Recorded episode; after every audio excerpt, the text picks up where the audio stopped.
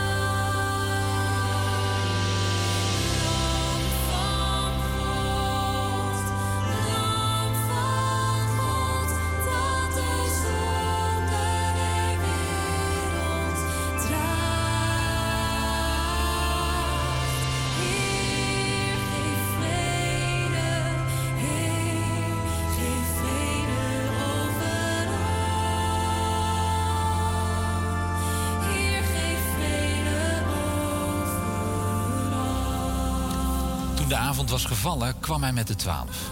Terwijl ze aanlagen voor de maaltijd, zei Jezus: Ik verzeker jullie, één van jullie die met mij eet, zal mij uitleveren. Ze werden bedroefd en vroegen één voor één aan hem: Ik ben het toch niet? Maar hij zei tegen hen: Het is één van jullie twaalf die met mij uit dezelfde kom eet. Want de mensenzoon zal heen gaan zoals over hem geschreven staat. Maar wee de mens door wie de mensenzoon uitgeleverd wordt. Het zou beter voor hem zijn als hij nooit geboren was.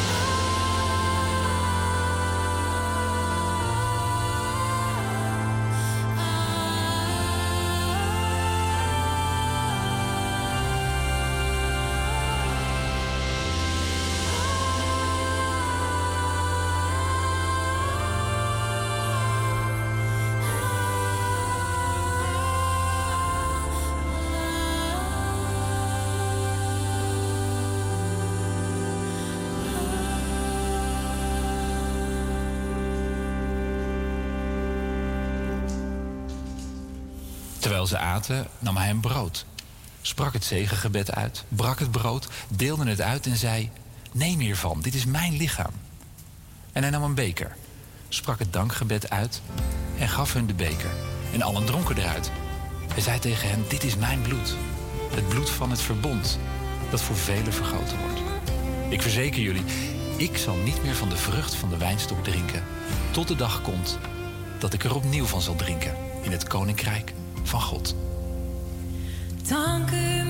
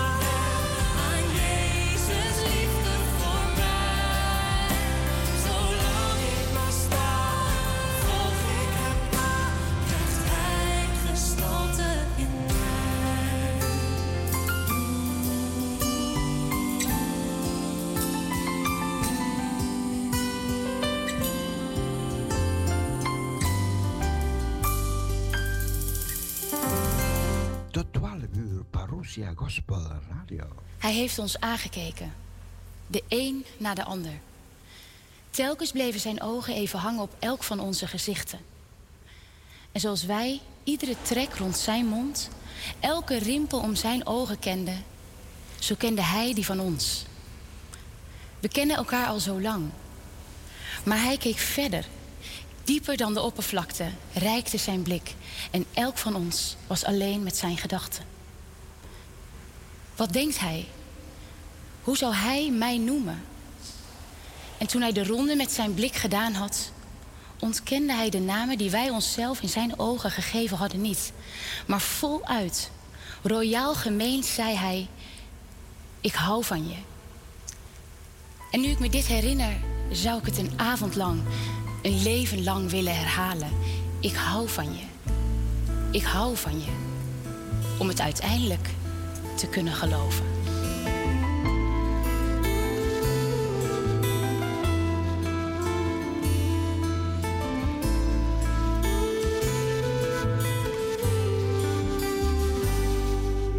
U nodigt mij aan tafel om dicht bij u te zijn.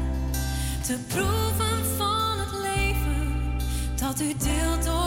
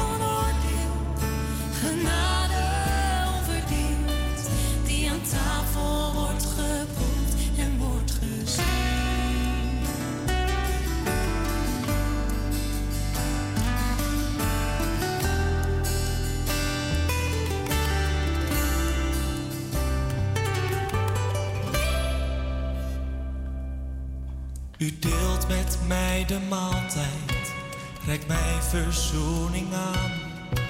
Uw liefde is nog groter dan de schuld die is voldaan.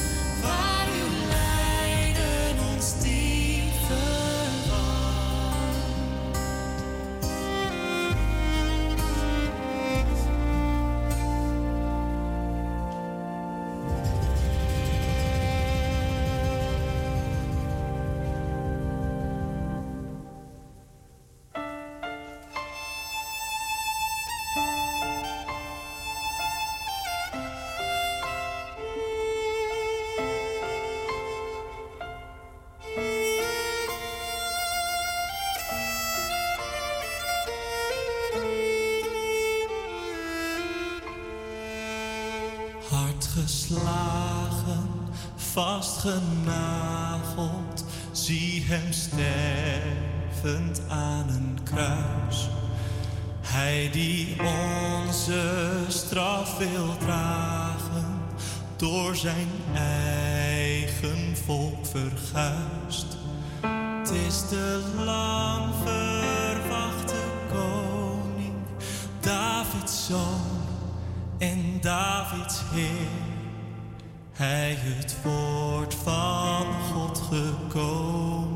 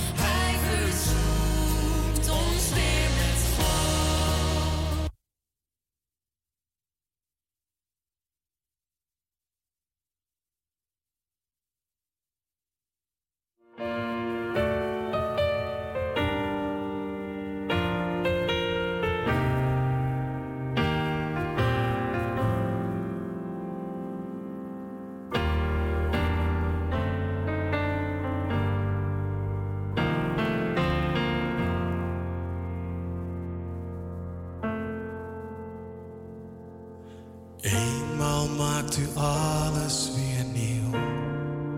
Jezus, eenmaal heelt u iedere wond. Heel de oude wereld verdwijnt, de pijn voorbij.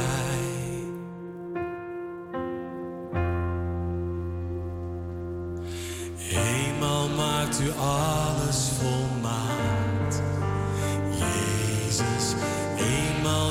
dollar dollar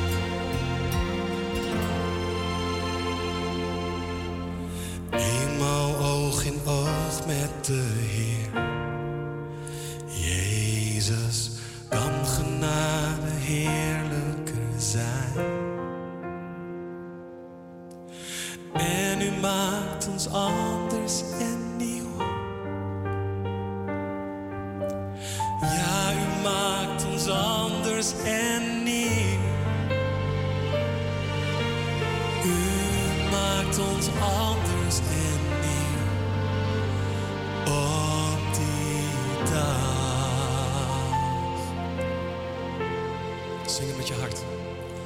Op die dag.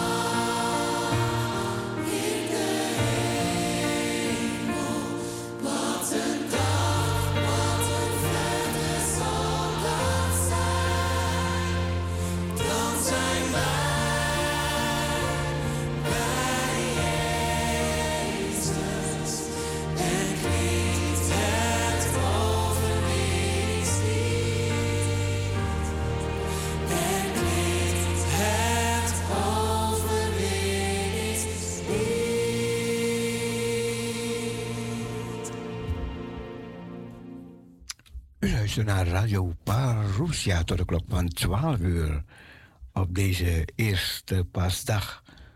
We luisteren naar heerlijke evangelische melodieën.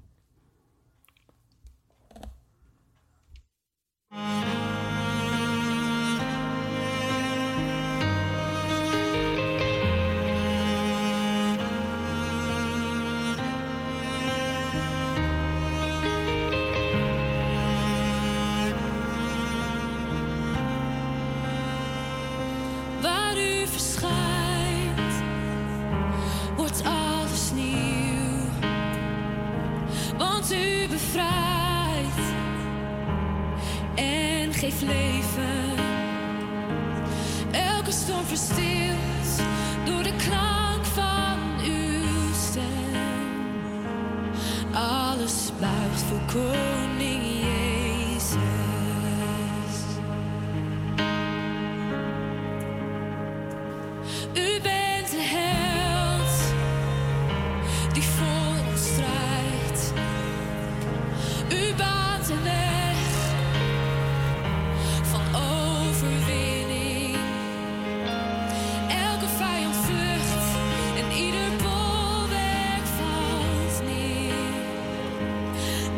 and i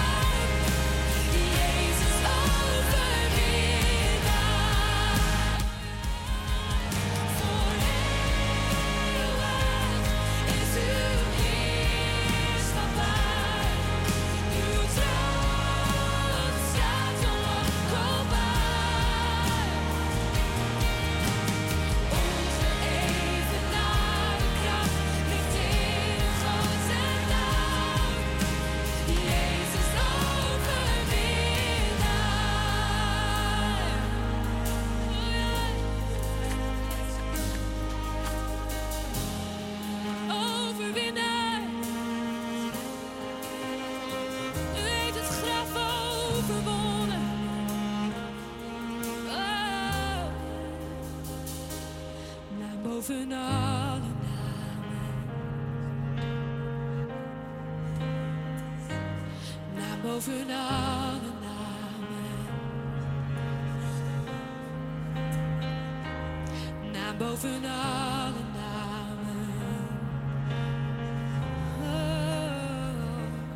naam boven alle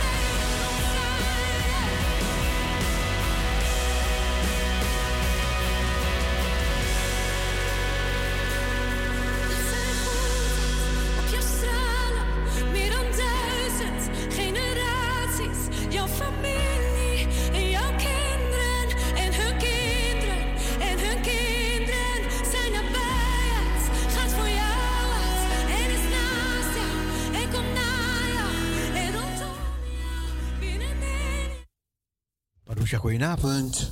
Goedenavond. Hallo. Hallo.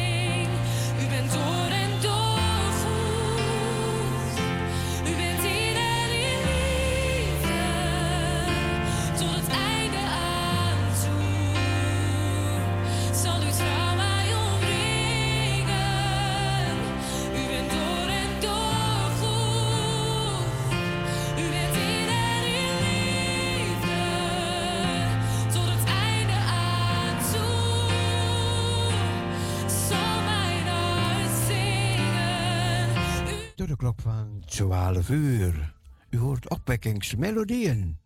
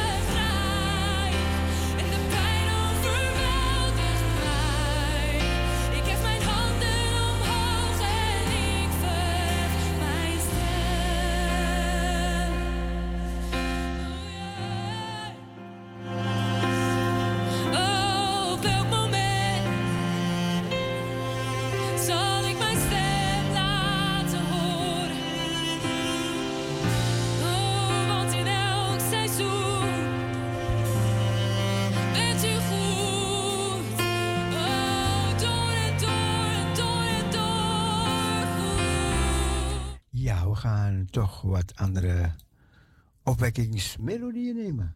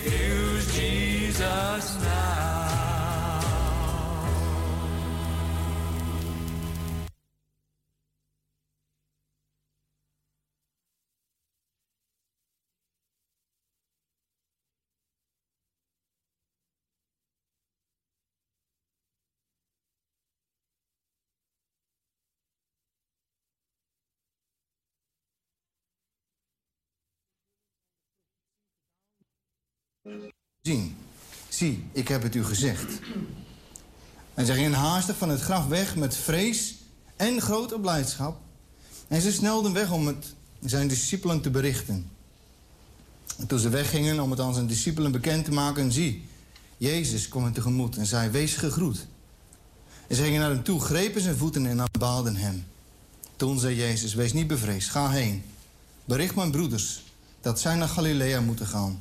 Daar zullen zij mij zien. Tot zover de schriftlezing. En we staan stil bij die woorden, hij is u niet. Want hij is opgewekt zoals hij gezegd heeft. Kom, zie de plaats waar de Heer gelegen heeft. En ga haastig heen. Zeg het zijn discipelen dat hij opgewekt is uit de doden. En zie, hij gaat u voor naar Galilea. En daar zult u hem zien. Ik heb het u gezegd.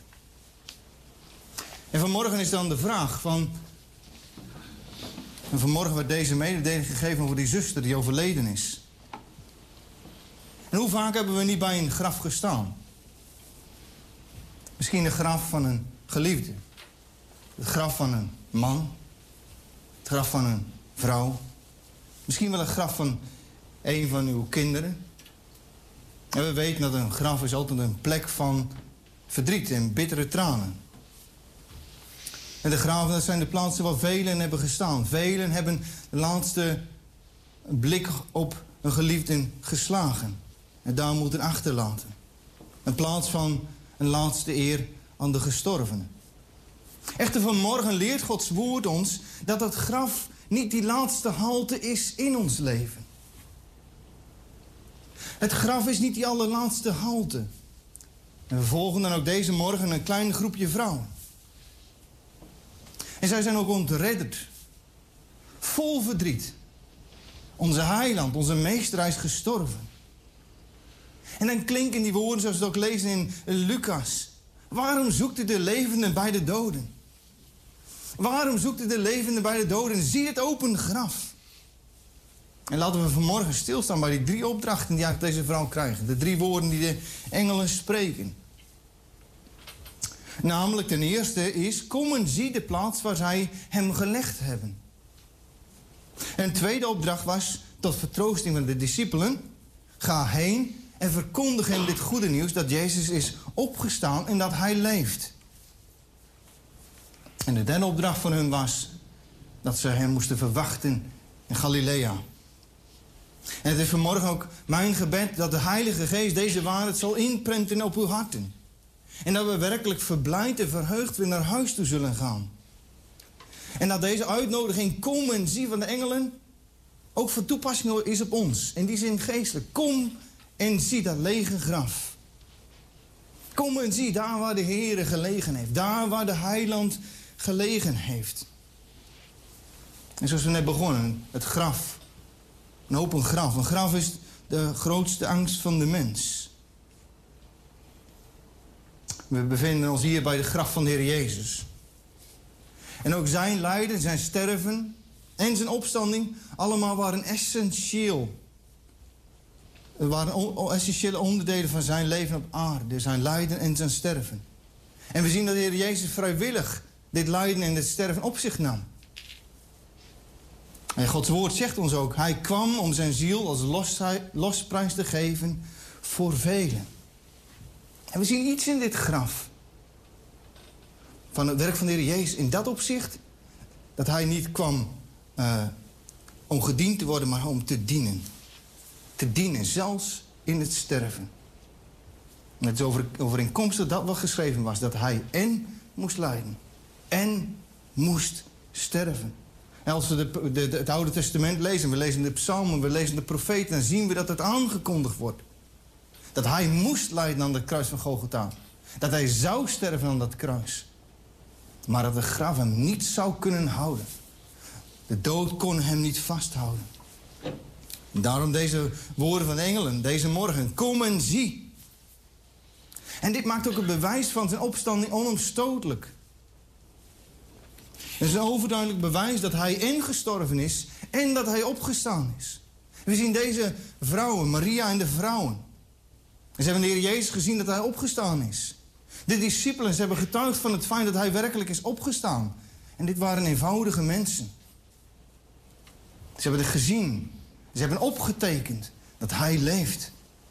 En weet u wanneer we de wereld ingaan en we vertellen over de Heer Jezus. En we spreken over zijn werk. En we spreken over het feit dat hij gestorven is aan een kruis. Tot zover gaat de wereld nog wel mee. Tot zover zegt, zou de wereld zeggen: goed, dat is een goede boodschap, prima, fijn, hij is gestorven. Maar dan komen we naar de, de derde dag.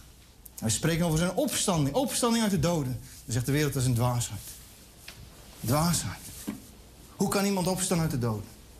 Maar hij kon opstaan omdat hij Gods zoon is. Hij leeft. We staan stil bij de eerste gedachte. Kom en zie waar de Heer gelegen heeft. En we staan op verschillende elementen stil. Wat betekent dit nou? Als we dit lege graf zien. Wat heeft het ons te zeggen?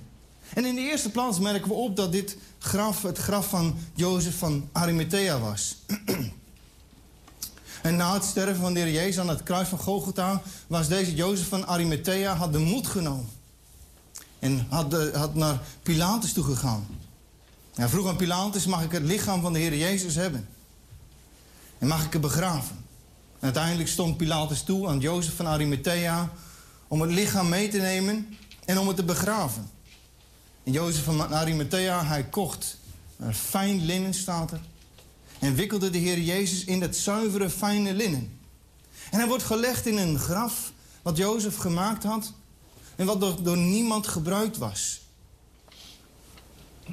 En dan zien we ook iets van... De Heer Jezus sprak ten tijde van zijn leven deze woorden... er is geen plek voor mij waar ik mijn hoofd kan neerleggen. En we zien het zelfs in zijn sterven. Hij had geen, in die zin niet zijn eigen graf. Maar het graf van Jozef van Arimathea. Begraven in dat graf. En hier zien we de Heer Jezus, hij stierf niet voor zichzelf, maar hij stierf voor anderen. Hij stond op uit die doden om anderen het leven te geven. En in tegelijkertijd zien we in de begrafenis van de Heer Jezus... in het graf van Jozef van Arimathea... de vervulling van de profetie gedaan door Jezaja. Als we Jezaja 53 lezen. Daar staat, men heeft zijn graf bij de godlozen gesteld. En hij is bij de rijken in zijn dood geweest. Omdat hij geen onrecht gedaan heeft en geen bedrog is in zijn mond geweest. We zien dat, dat al aangaf. Dat hij bij de rijken heeft gelegen. Jezaja 53 vers 9. Ook deze profetie is vervuld. Al de profetieën die spraken over zijn lijden en sterven... ze kwamen allemaal in vervulling. Dan zien we deze de vrouwen. Ze naderen op die zondagmorgen dat graf. Die bedroefd. Dan slaan ze hun ogen op. Wat zien ze van afstand? Ze zien een geopend graf. Ze zien een geopend graf. Die steen, dat zegel wat geplaatst was, de bewakers, die waren allemaal verzekering voor de, voor de uh, fariseërs en de priesters, opdat Christus daar zou blijven. Ze hadden zekerheden geplaatst. Ze hadden er een steen voor gerold. Ze hadden er een zegel op gedaan en bewakers geplaatst. Dat was een ultieme zekerheid. Deze Christus zou niet uit het graf worden weggenomen. Niemand zou het uh, lichaam van de Heer Jezus uh, roven... opdat er geen leugen verspreid zou worden over de opstanding. Maar het licht van deze heiland is die steen, die bewakers en dat zegel... zijn slechts een futiliteit. Ze stellen niets voor. Ze zijn niet zeggend. Want zijn macht gaat deze beveiliging ver te boven. En hierin ligt ook gelijk een bemoediging voor ons, broeders en zusters. Dat ook wij niet bevreesd hoeven zijn. Ook wanneer we Christus verkondigen en we leven in een tijd waarin we horen van mensen die het woord van de Heer getrouw verkondigen, die opgepakt worden in verschillende landen. Die omwille van het evangelie opgesloten worden in kerkers en gevangenissen. Wij hoeven niet bang te zijn voor aardse macht of autoriteit. Wanneer we het woord van de Heer verkondigen, wanneer we spreken over die opgestaande heiland. Want in de kader van Hem, in het licht van wie Hij werkelijk is, dan is dat slot en die grendel van de gevangenis stelt niets voor. Weet u, de bewakers sidderden. De aarde schudde op zijn fundamenten. Tot deze engel neerkwam. En zie, hij is opgewekt. Hij is hier niet. En dan klinkt die stem van de engel. Zie deze plaats waar ze hem gelegd hebben. We staan stil bij zeven, zeven dingen die we zien als we dat open graf eigenlijk ingaan. En in de eerste plaats zien we de, de doeken van de Heer Jezus Christus, zoals we lezen in Johannes hoofdstuk 20. En we lezen dat zijn zweetdoek was opgerold en de andere doeken lagen er nog. En weet u, dit is niet zonder reden. En dit is niet zonder reden, want als het lichaam gestolen had geweest, dan had diegene die het lichaam had weggenomen, had niet de tijd genomen om eerst de Heer Jezus helemaal te ontwikkelen en daar die doeken neer te leggen. De doeken lagen daar als bewijs dat hij werkelijk opgestaan is en dat hij werkelijk leeft. Wat, had dat lege graf ook een verschrikking geweest voor deze vrouw? Als de engelen niet hadden gezegd hij is waarlijk opgestaan en hij leeft. Dan had het lege graf had dan eh, het verdriet nog veel groter gemaakt van deze vrouw. Maar hier ligt de vertroosting in. In die woorden, hij is hier niet langer. Hij is hier niet in dit graf. Het graf is leeg. Ten tweede, het lege graf. Wat zegt het lege graf ons nog meer? Het lege graf dat zegt ons dat het offer geaccepteerd is door onze Vader. Christus, hij bevrijdde onze ziel van hel. Hij betaalde onze schuld die wij hadden door onze zonden. Hij was het die verzoening teweegbracht tussen God de Vader en tussen ons. Hij was het die die grote, onoverbrugbare afstand die was ontstaan tussen ons en God de Vader. Heeft hij overbrugd door zijn opstanding. Een blik in dat lege graf verzekert ons dat God de Vader het offer geaccepteerd had. Dat God de Vader geaccepteerd had dat hij inderdaad zijn leven gegeven heeft tot een offer voor velen. God had een offer van zijn zoon aangenomen. En dit lege graf is een bevestiging. Wanneer we in dit graf kijken, dan zien we de bevestiging. God heeft het offer aanvaard. Het is volbracht. Hij is opgestaan. Zo lezen we ook in Romeinen. Nu is het niet alleen ter wille van hem geschreven dat het hem toegerekend is, maar ook ter wille van ons, aan wie het zal worden toegerekend, aan ons namelijk, die geloven in hem, God de Vader, die Jezus onze Heer uit de doden heeft opgewekt, die om onze overtredingen is overgeleverd en opgewekt om onze rechtvaardiging.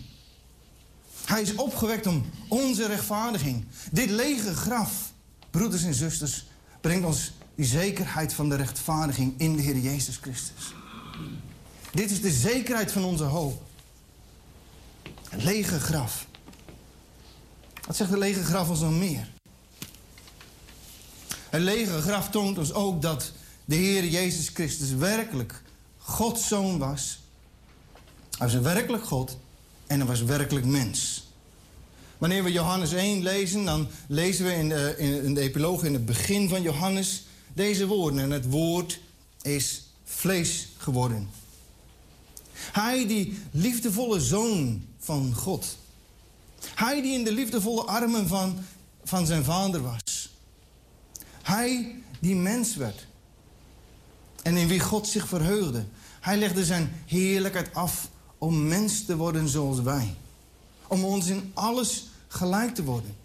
En dit lege graf laat zien dat hij zowel waarlijk God was, hij is immers opgestaan, hij leeft en tegelijkertijd ook dat hij waarlijk mens was.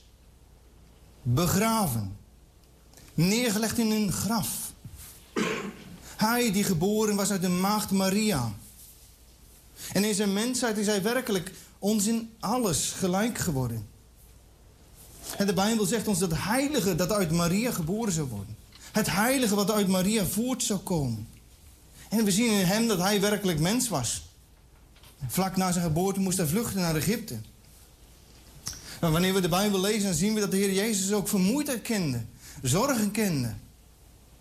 En we lezen de kortste tekst in de Bijbel is Jezus weende. Hij was werkelijk mens. We zien dat Jezus at en dronk. En de Heer Jezus is geen geestesverschijning geweest. Maar hij was een mens van vlees en bloed en tegelijkertijd waarachtig God. En Johannes zegt ook, wanneer hij de, de, de, de brief schrijft, wat onze handen getast hebben en wat onze ogen gezien hebben. Dat is wat de Heer ons gegeven heeft. Ze hebben met hun handen de Heer Jezus getast. En voor onze zaligheid droeg deze Jezus Christus de zondelast.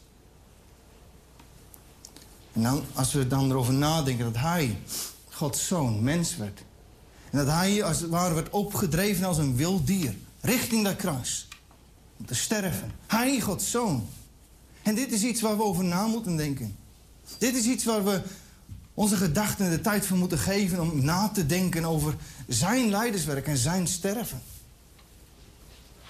Het zou een stilde moeten doen staan. Hij voor mij. Hij, Gods zoon.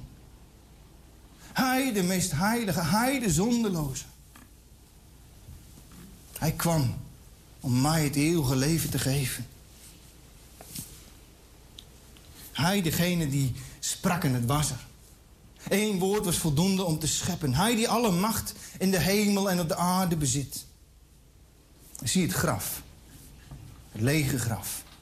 Stille getuigen. Waarachtig God. Waarachtig mens.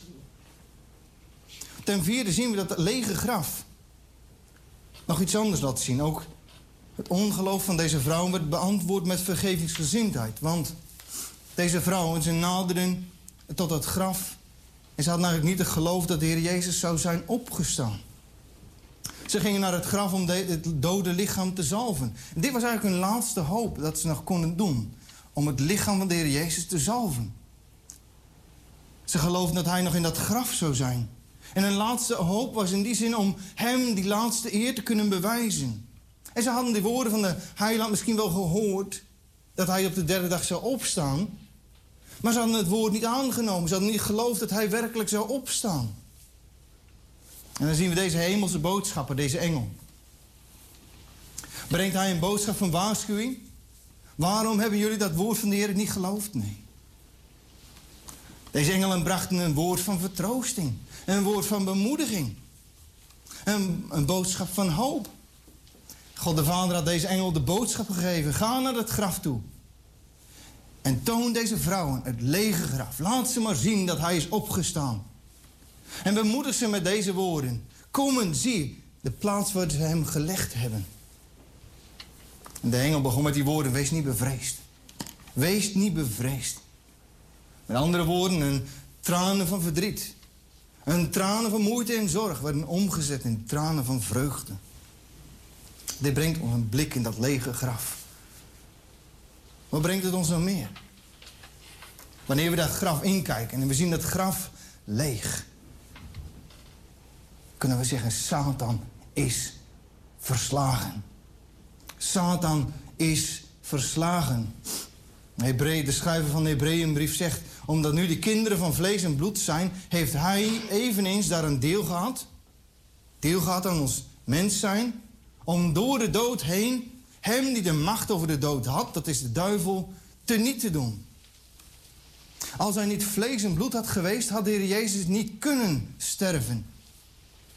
En de krachtige uitwerking van zijn sterven, van zijn opstanding, is het verslaan van de duivel. Als de Satan niet verslagen had geweest, dan had geen vlees behouden kunnen worden. Dan had er geen hoop geweest als het graf nog vol geweest was. Als de Heer Jezus nog steeds in het graf zou zijn geweest. Maar hij is opgestaan.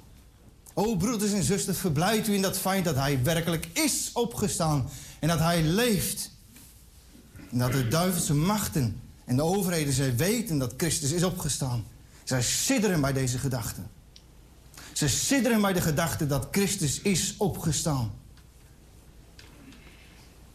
De vraag van morgen is: wat voor invloed heeft deze waarheid op uw hoop?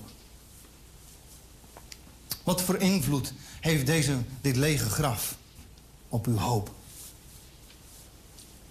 Wat voor invloed heeft dit lege graf op uw houding?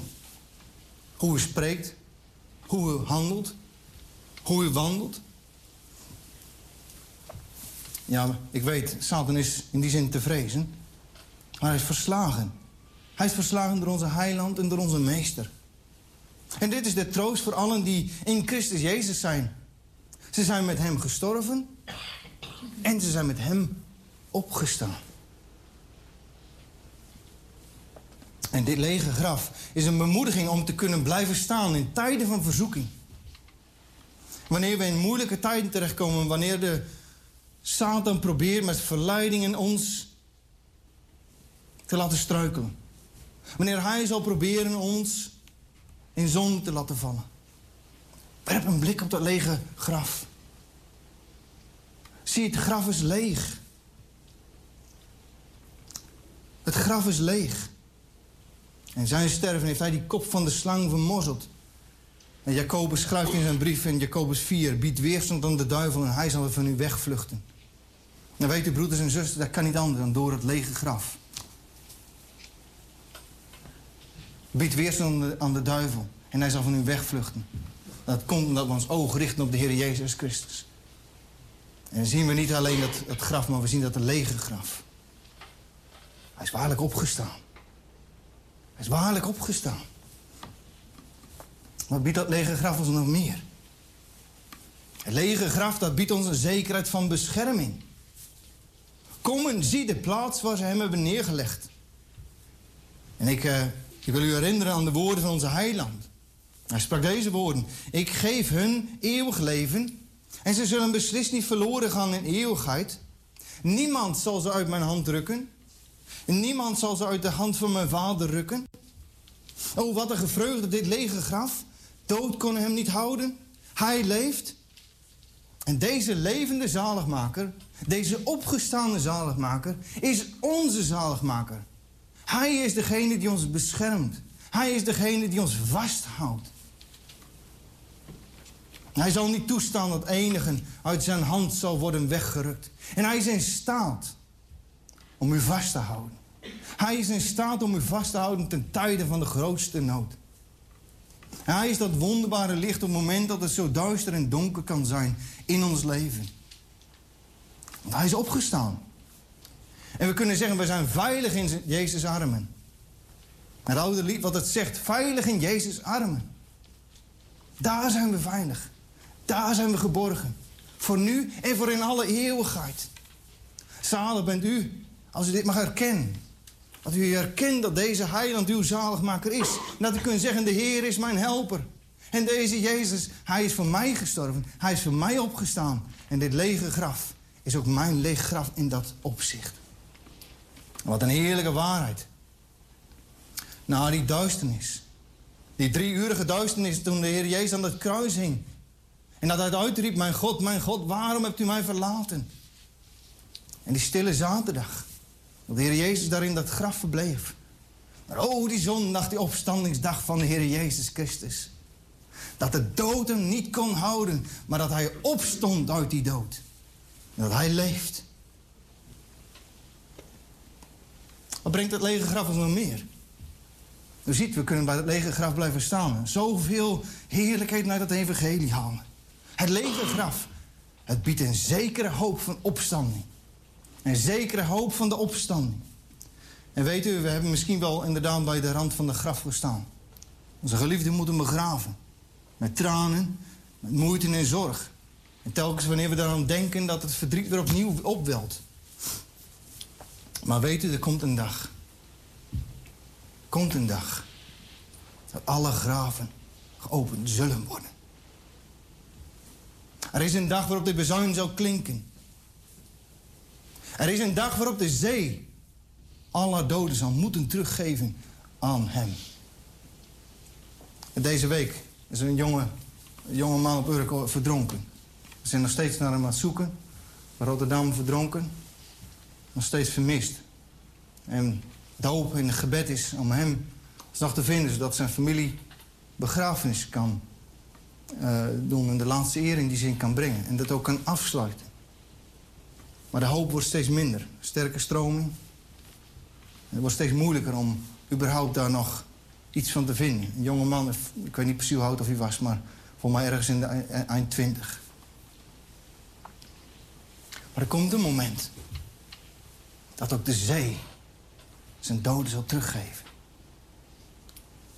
Er komt een dag waarop de stof van hen die uitgestoord zijn... weer bij elkaar zal komen. Dat de lichamen weer vorm zullen krijgen. Een dag waarop de graven zullen worden geopend. O, die gezegende dag voor degenen die Hem kennen... en Hem tegemoet mogen gaan in heerlijkheid.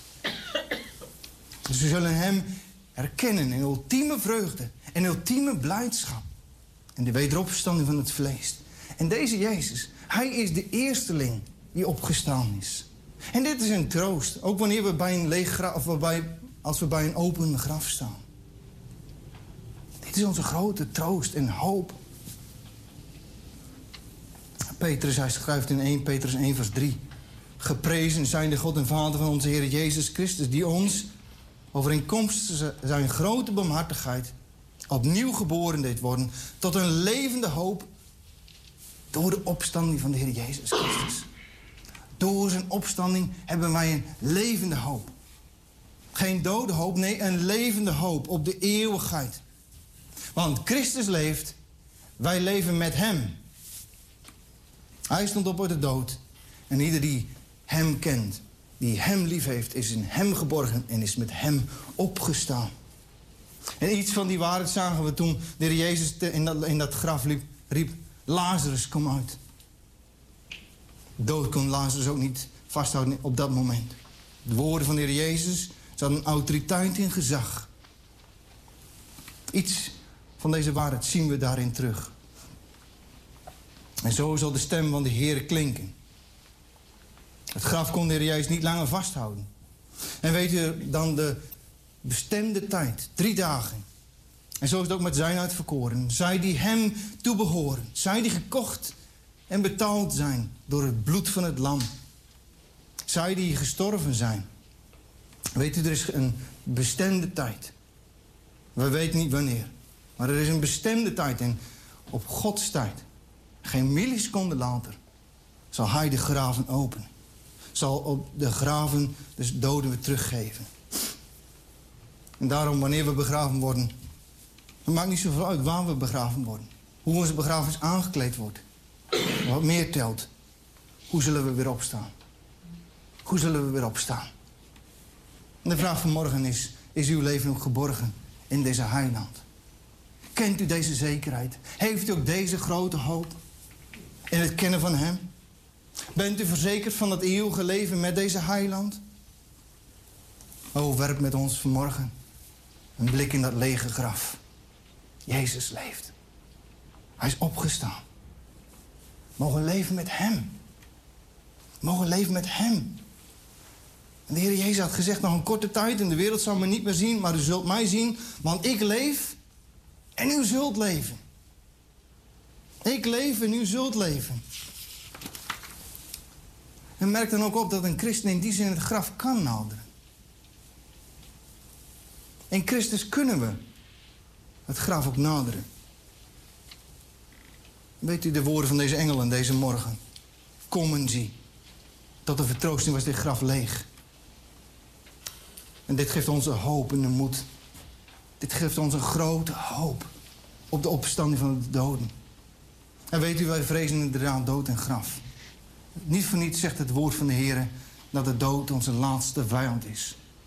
Het is onze laatste vijand. Het is moeilijk. Het is zwaar. Maar we leven niet als iemand die geen hoop heeft.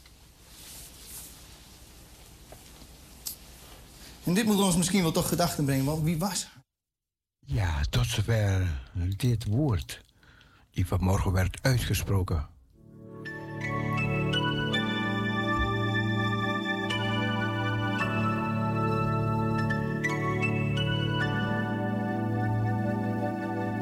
long.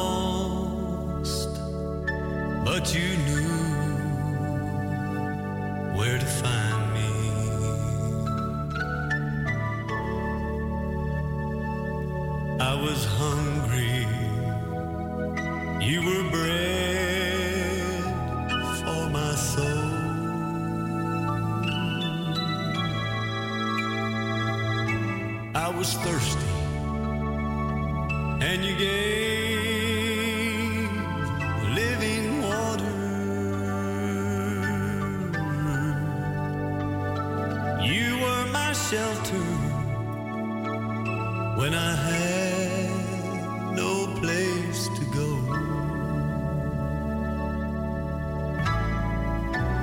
That's why sometimes I just want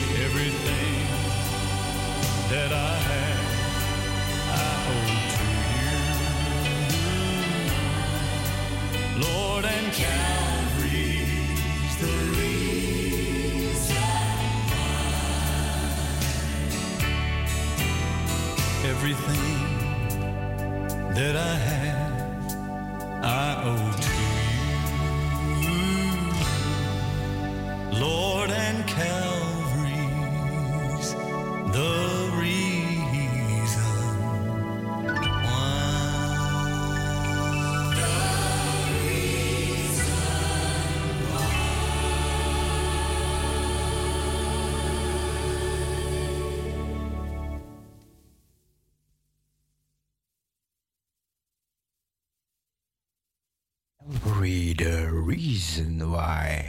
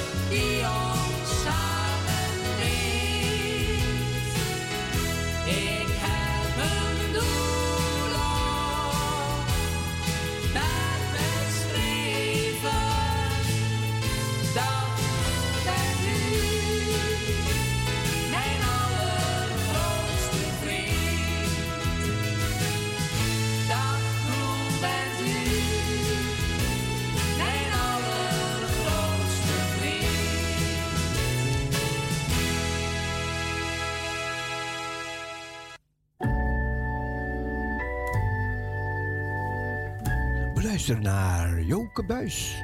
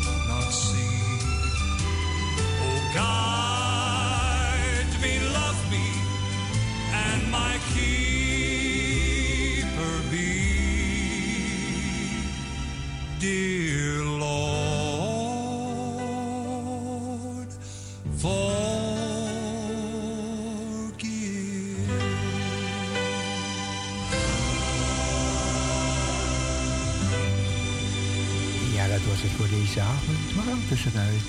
Iedereen een hele goede nacht. Morgenochtend 7 uur. Daar zijn we er weer. Van deze kant, bye bye, zwaai zwaai, doei God bless you. Slaap lekker, sribi sweetie, droom